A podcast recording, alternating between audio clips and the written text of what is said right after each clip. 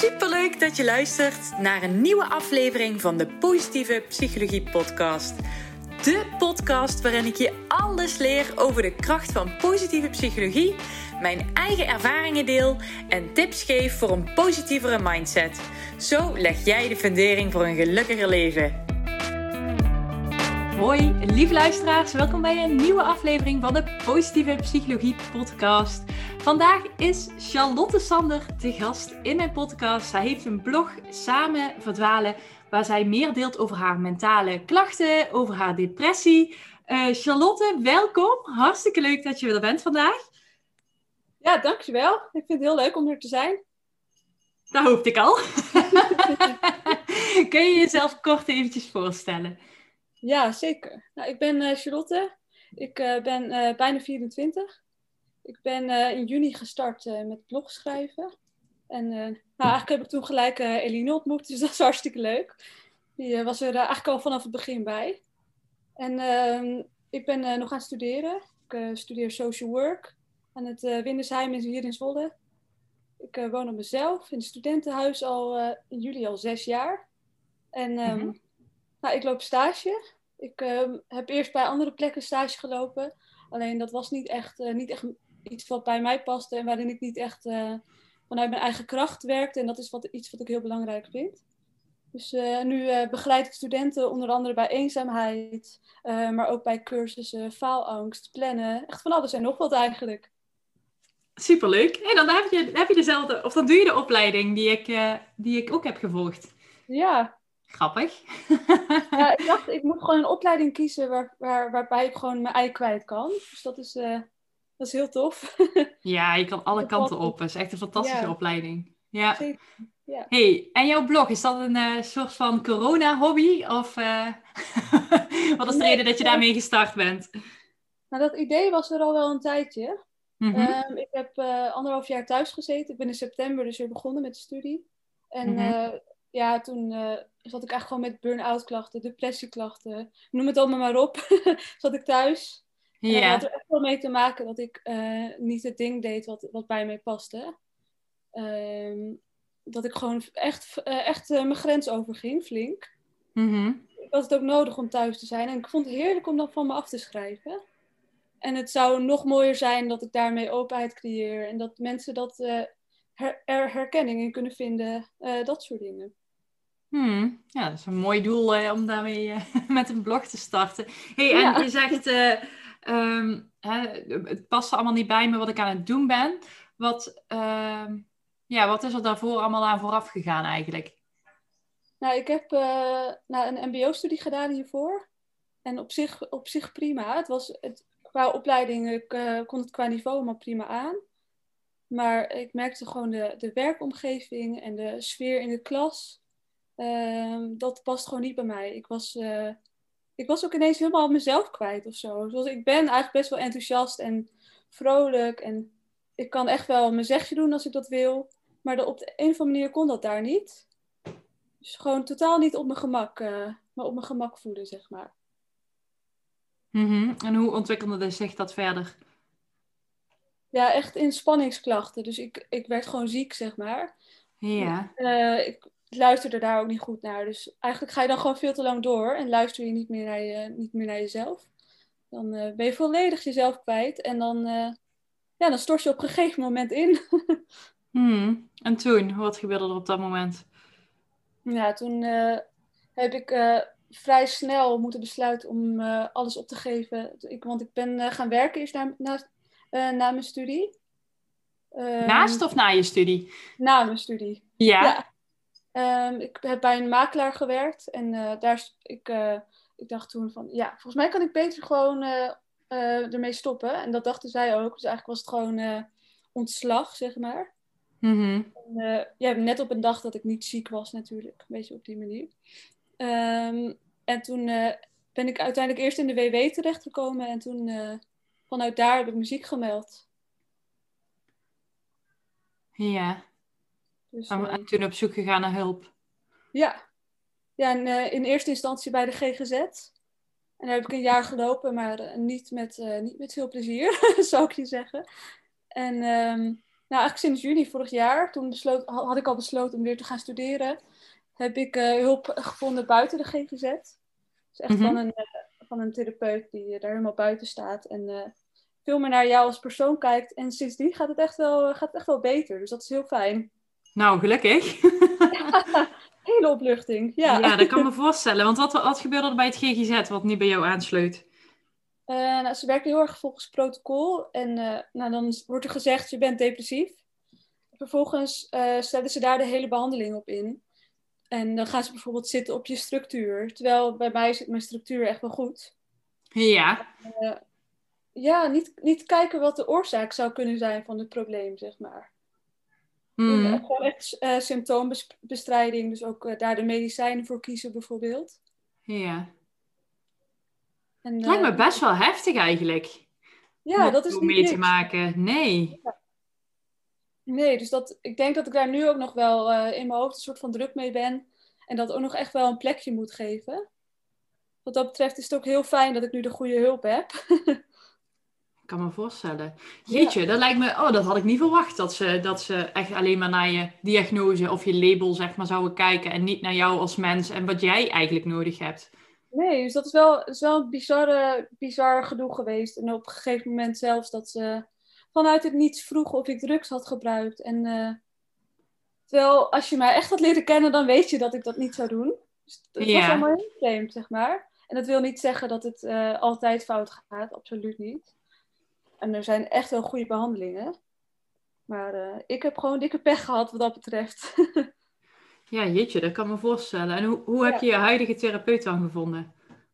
Uh, nou, ik uh, wist al dat het goed aangeschreven stond door, door mijn omgeving, door vrienden. Ja. En nou, ik dacht, ik ga gewoon kijken of het wat is. En het, is, het kost je wel wat. Maar goed, dat moet je er gewoon voor over hebben als, je, als het je echt verder helpt. Mm -hmm. Het kost echt veel geld. Alleen, ik ga daar gewoon opgelucht weg in plaats van gefrustreerd. En dat is volgens mij precies de bedoeling. ja, dat weet ik wel zeker. Ja, toch? ja. Ja, het hoeft niet altijd opgelucht te zijn. Hè. Soms is het ook frustrerend als je op punten wordt gewezen waar je op werkt, maar al, of uh, waar je aan moet werken. Maar ja, uh, ja. als dat een jaar lang zo is, ja, nee, dat kan niet de bedoeling zijn, lijkt mij. Inderdaad. Nee, zeker niet. Nee. hey, en nu? Wat, uh, wat doe je nu in het dagelijks leven? Nou, ik ga dus naar school. dat is nu met die lockdown natuurlijk even wat anders, helaas. Ja. Gelukkig nu ook een hele leuke klas, dus dat is, uh, dat is wel heel fijn. Dus dan kan je ook wel gewoon makkelijk gewoon samen lekker je opdrachten doen en zo. En dat doe ik dan eind van de week. En op maandag en dinsdag loop ik stage. Mm -hmm. Dat doe ik op een mbo-school. En dat is eigenlijk wel grappig, want ik kom natuurlijk zelf van het mbo. Dus ik weet ook wel goed hoe, dat, hoe het daar werkt. En is ook precies de school waar ik veel gedoe heb gehad en gepest ben en noem maar op. Oh. dus, dus is eigenlijk ook wel, het is ook wel spannend om daar weer te zijn eigenlijk. Maar Ja. ook wel weer, ik heb ook het idee dat ik juist vanuit mijn ervaring daar heel veel kan bereiken. En eh, zeker nu. Ik eh, help natuurlijk, ik help eh, studenten. Eh, ik begeleid ze echt bij verschillende dingen hoor. Dus ook plannen en eh, zelfbeeld en faalangst. Het kan van alles zijn. En ik heb eh, sinds kort heb ik een projectje opgestart. Dat eh, heet Zin in Contact. En uh, ik heb een poster rondgestuurd via die school, zodat mensen daarop kunnen reageren, mochten ze eenzaam zijn of behoefte hebben aan contact. En nou, eigenlijk heb ik al drie studenten via mijn stagebegeleider doorgestuurd gekregen. En daarvoor kan ik het luisterend oor zijn, kan ik ze eventueel doorverwijzen. Dus echt een beetje, echt daarmee bezig. Daar ligt wel echt mijn focus een beetje op. Wat mooi. Lijkt me ook heel goed aan te passen nu bij de huidige situatie met die coronaregels. Ja. Hè. Hoort nou de laatste tijd ook in het nieuws dat eenzaamheid onder jongeren echt een gigantisch groot probleem is. Klopt, Uh, ja. hoe ervaar jij dat nu op dit moment? Nou, je ziet dat mensen gewoon uh, hun motivatie alleen dan kwijtraken. Doordat ze zoveel achter een schermpje zitten. Mm -hmm. um, op een gegeven moment dan, dan kun je studenten ook bijna niet meer bereiken. Dus ik heb laatst, uh, was student ziek, twee weken achter elkaar of zo. En um, ja, ik wist gewoon niet meer, eigenlijk weet je dan gewoon op een gegeven moment niet meer wat je moet doen. Terwijl je, terwijl je zeker weet, als die persoon op school zou zitten, dat hij het prima had gered. Maar diegene mist dan gewoon echt de, gewoon de echte prikkels, wat dat betreft. Hmm. Eigenlijk wel heel verdrietig dan, hè? Ja, is echt, uh, echt heel schrijnend eigenlijk. En het, uh, hoe langer het duurt, hoe meer het ook oploopt, uh, dit probleem. Hmm. En wat geef je de jongeren dan voor tips of voor handvaten? Nou, in eerste instantie vinden ze het vaak al heel fijn omdat er even naar ze geluisterd wordt. Mm en, uh, nou, wij hebben binnen uh, de MBO-school waar ik stage loop, hebben ze de mogelijkheid om eventueel op school te komen als je echt een kwetsbare student bent, zeg maar. Mm Dus dat, die mogelijkheid bied ik vaak ook aan. Dan heb je gewoon een, een is er een lokaal gereserveerd voor deze studenten. Dus dat is, dat is heel fijn. Niet iedereen wil dat, dus op een gegeven moment houdt het ook op. Dan kun je het blijven vragen, maar dan nou, dan wil dat gewoon niet werken, zeg maar. Mm Maar voor degenen die willen, is er dus een plekje. Ja, zeker. Ja. Hm. Hey, en is het ook een, een onderwerp wat jou persoonlijk raakt, eenzaamheid?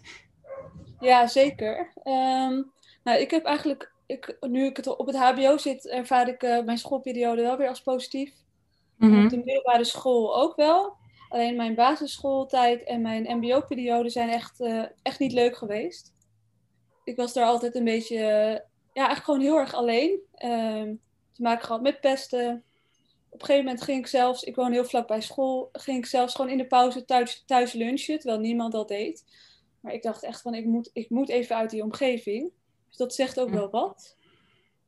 En uh, ja, nu ben ik ook weer op die school terechtgekomen. Dus dat is echt wel, uh, wel bijzonder op de een of andere manier. Hmm. Lijkt, me, lijkt me ook wel weer een heel gek gevoel. Ja, dus, uh, herinneringen komen dan ook weer allemaal terug, lijkt mij. Ja, dus het is, uh, het is zeker ook wel spannend uh, op die manier. En ook, ook wel docenten weer terugzien die mij niet altijd gesproken en gezien hebben. Dus dat, dat is ook wel een uitdaging wat dat betreft. Hmm. Maar ik denk ook dat het heel, volgens mij werkt het ook heel positief. Ja, zeker. Maar het werkt ook twee kanten op. En, en, en zijn dan, ga je dan ook het gesprek aan met die docenten?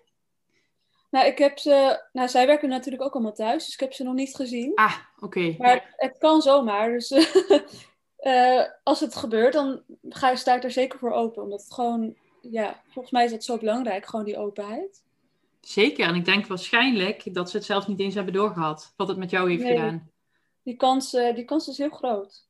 En ik heb gelukkig een uh, super fijne stagebegeleider, dus daar kan ik heel veel echt wel mijn ei in kwijt, of mijn ei in kwijt, alles aan vertellen, zeg maar. Uh, dat, dat helpt voor mij heel erg mee. Dus het is ook wel, wat dat betreft, ook wel een beschermde omgeving. Dus, uh... Ja, dat is fijn, veilig. ja, absoluut. Dat ja. is wel wat ik nodig heb op dit moment. Ah. In ieder geval. Ja, ik kan me voorstellen.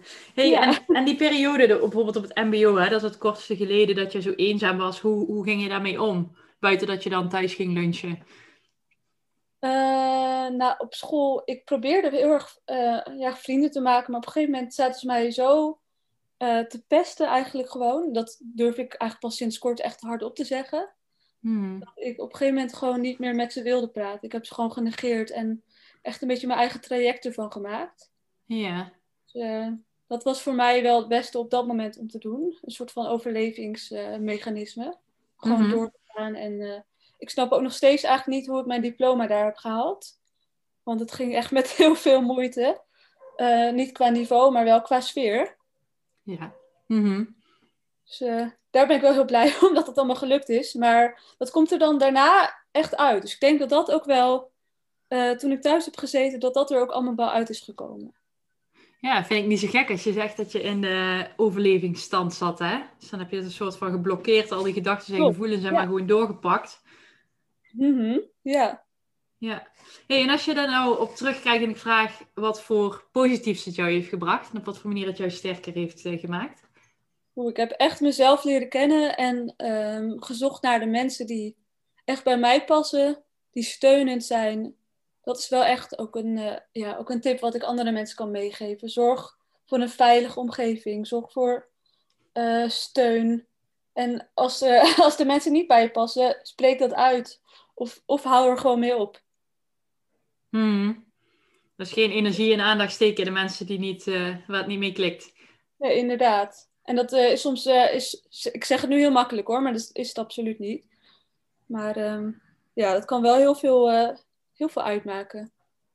Mm, ja, dat kan ik me zeker voorstellen. Ja. Ja. Hey, je zegt creëren een veilige omgeving. Wat bedoel je daar precies mee? Z- zorg ervoor dat mensen jou, eh, een, jou zelfvertrouwen geven en niet dat ze je naar beneden halen. Of... En ik ben wel gevoelig voor dat soort eh, sferen. En ik zou er veel meer nog naar mogen luisteren. Maar ja, zorg gewoon inderdaad. Ja, hoe leg je dat uit? Ik denk dat je bedoelt, omring jezelf met mensen waarvan je positieve energie krijgt. Precies, ja. Ja. Ja. Ja, ik herken dat zelf ook wel. Ik heb een tijdje terug een podcast opgenomen over eenzaamheid. Omdat het ook iets, een thema is waar ik zelf echt vreselijk mee heb geworsteld. ja, Maar ik heb op een, gegeven moment ook gewoon mensen waarvan ik negatieve energie kreeg. Of die levenskeuzes maakten waar ik niet achter stond. Ja, die heb ik op een gegeven moment maar een beetje laten verwateren. ja, En op een gegeven moment hou je dan een handje vol met vrienden over. Maar je hebt niet veel vrienden nodig. Je hebt gewoon... Volgens mij zeggen ze ook maar dat je maximaal vijf vriendschappen echt kan onderhouden. Ja, als je gewoon vijf fijne mensen hebt waarop je kan terugvallen, dat is genoeg. ja dat, eh, dat helpt zoveel. Dat is denk ik Mhm. ook wel hoor, eh, hoe ik het MBO heb overleefd. Ik, had, eh, ik woon al in het studentenhuis waar ik nu woon. Ja. En het waren gewoon hele lieve meiden die gewoon ook af en toe wel een keer voor me wilden koken. Of noem maar op. Ehm, volgens mij is dat, is dat heel helpend. Ook al ga je door een rottijd, zoek gewoon de mensen op waarbij je je vertrouwd en veilig voelt. Mhm. Dus, eh, ja, Ja, het is wel gelukt dan dat je zo'n studentenhuis, dat is ook wel een beetje familie dan, hè, als je het getroffen hebt. klopt. Ja, Ja, absoluut. ja want dan vanaf, helemaal vanaf nul eh, beginnen, als je nu echt op dit, op dit moment niemand hebt, dat is wel lastig. Heb, heb Ja, jij daar misschien een tip voor? Wat zo, hoe zou je dat dan aan kan pakken als je nu niemand in je omgeving hebt waarvan je fijne energie krijgt? Dan is denk ik wel mijn tip, eh, maak het klein. Eh, want ook met dat project wat ik doe over eenzaamheid, ehm, je moet niet gelijk te groot willen denken, want dan spreek je vaak grotere groepen aan. Ehm, en dan verdwijnt iemand die al een beetje teruggetrokken is of verlegen is, vaak in de, in de menigte. Ehm, dus ik denk gewoon een soort van maatje misschien al, alleen al. Dus eh, gewoon even een wandeling maken met iemand. Dat is ook wel wat ik die studenten wil aanbieden. Gewoon eh, een wandeling maken of kijken of je mensen met elkaar kunt verbinden. Mhm. Maar goed, het is, eh, het is allemaal nog wel uitvogelen hoor. Dat vind ik zelf in elk geval. En eh, het, is ook het is in deze coronatijd al helemaal niet makkelijk. Mhm. Nee, dat maakt het inderdaad maakt het niet makkelijker mee. Ik, ik vind Instagram zelf een mooi platform. Want ik zie ook echt mensen bijvoorbeeld met angststoornissen die elkaar daar vinden. Mensen met depressies die elkaar Ja. daar vinden. En soms kan een online contact ook al heel erg waardevol zijn. Als je iemand hebt die je echt begrijpt. Ja, dat is Ja. zo ontzettend waardevol. Nou, dat is best wel een goede tip trouwens. Want ik, eh, ja, ik vind het zelf namelijk ook wel. Ik, sinds ik die blog heb opgestart, spreek ik gewoon een aantal mensen, waaronder jij of eh, ja, nog, nog veel meer mensen. Je denkt van, oh, ik haal hier wel even herkenning uit of zo. Zoiets Ja. kleins, maar dat kan toch veel doen al. Ja, is heel waardevol en ook heel laagdrempelig eigenlijk. Ja. Je kunt Ja. makkelijk even reageren op iemand of even een kort gesprekje voeren. Dus, eh, goeie tip. Ja, ja en eh, volgens, mij heb jij, volgens mij vertelde jij mij laatst ook dat je ook zelf met iemand had afgesproken via Instagram. Dus Ja, eh, ja, Ja. grappig is dat. Zij is eerder hier op de podcast te gast geweest, Linda van Oh ja, Linda. Ja. Ja, heb ik Ja, onthouden. Dus eigenlijk is dat grappig dan, dat je iemand eigenlijk totaal niet kent, maar omdat je ongeveer een beetje hetzelfde meemaakt en misschien ook nog wel bij elkaar in de buurt woont, dat je dan toch op die manier met elkaar in contact komt. Ja, echt ontzettend leuk is dat. Ja, dus voel je eenzaam? Zoek andere eenzame mensen op Instagram. Ja, superleuk. Ja. Ja, misschien bestaat het wel zoiets, een, eh, ergens een, eh, een- een pagina over eenzaamheid voor jongeren. Ik, ja, dat had ik eigenlijk misschien van tevoren even op moeten zoeken, maar Ja, weet bestaat zoiets. En eh, Ga ik hem uit te zoeken, inderdaad. ja, oké. Nou, Charlotte, ik wil jou echt heel erg bedanken voor je tijd. Ja, graag gedaan. Superleuk. Vond je het leuk? Ja, van genoten. Ja. Goed zo, oké. nou, dan eh, houden wij zeker contact via Instagram. En eh, ja. ja. jullie allemaal bedankt voor het luisteren. En hopelijk tot de volgende keer. Doeg. Heel erg bedankt voor het luisteren. Mocht je deze aflevering interessant hebben gevonden, maak even een screenshot, deel het in je story en tag me op Instagram. Mijn accountnaam is Eline Verbeek underscore online coaching. Zo gun je ook anderen een positieve mindset. En ik vind het heel erg leuk om te zien wie er allemaal geluisterd hebben. Tot de volgende keer!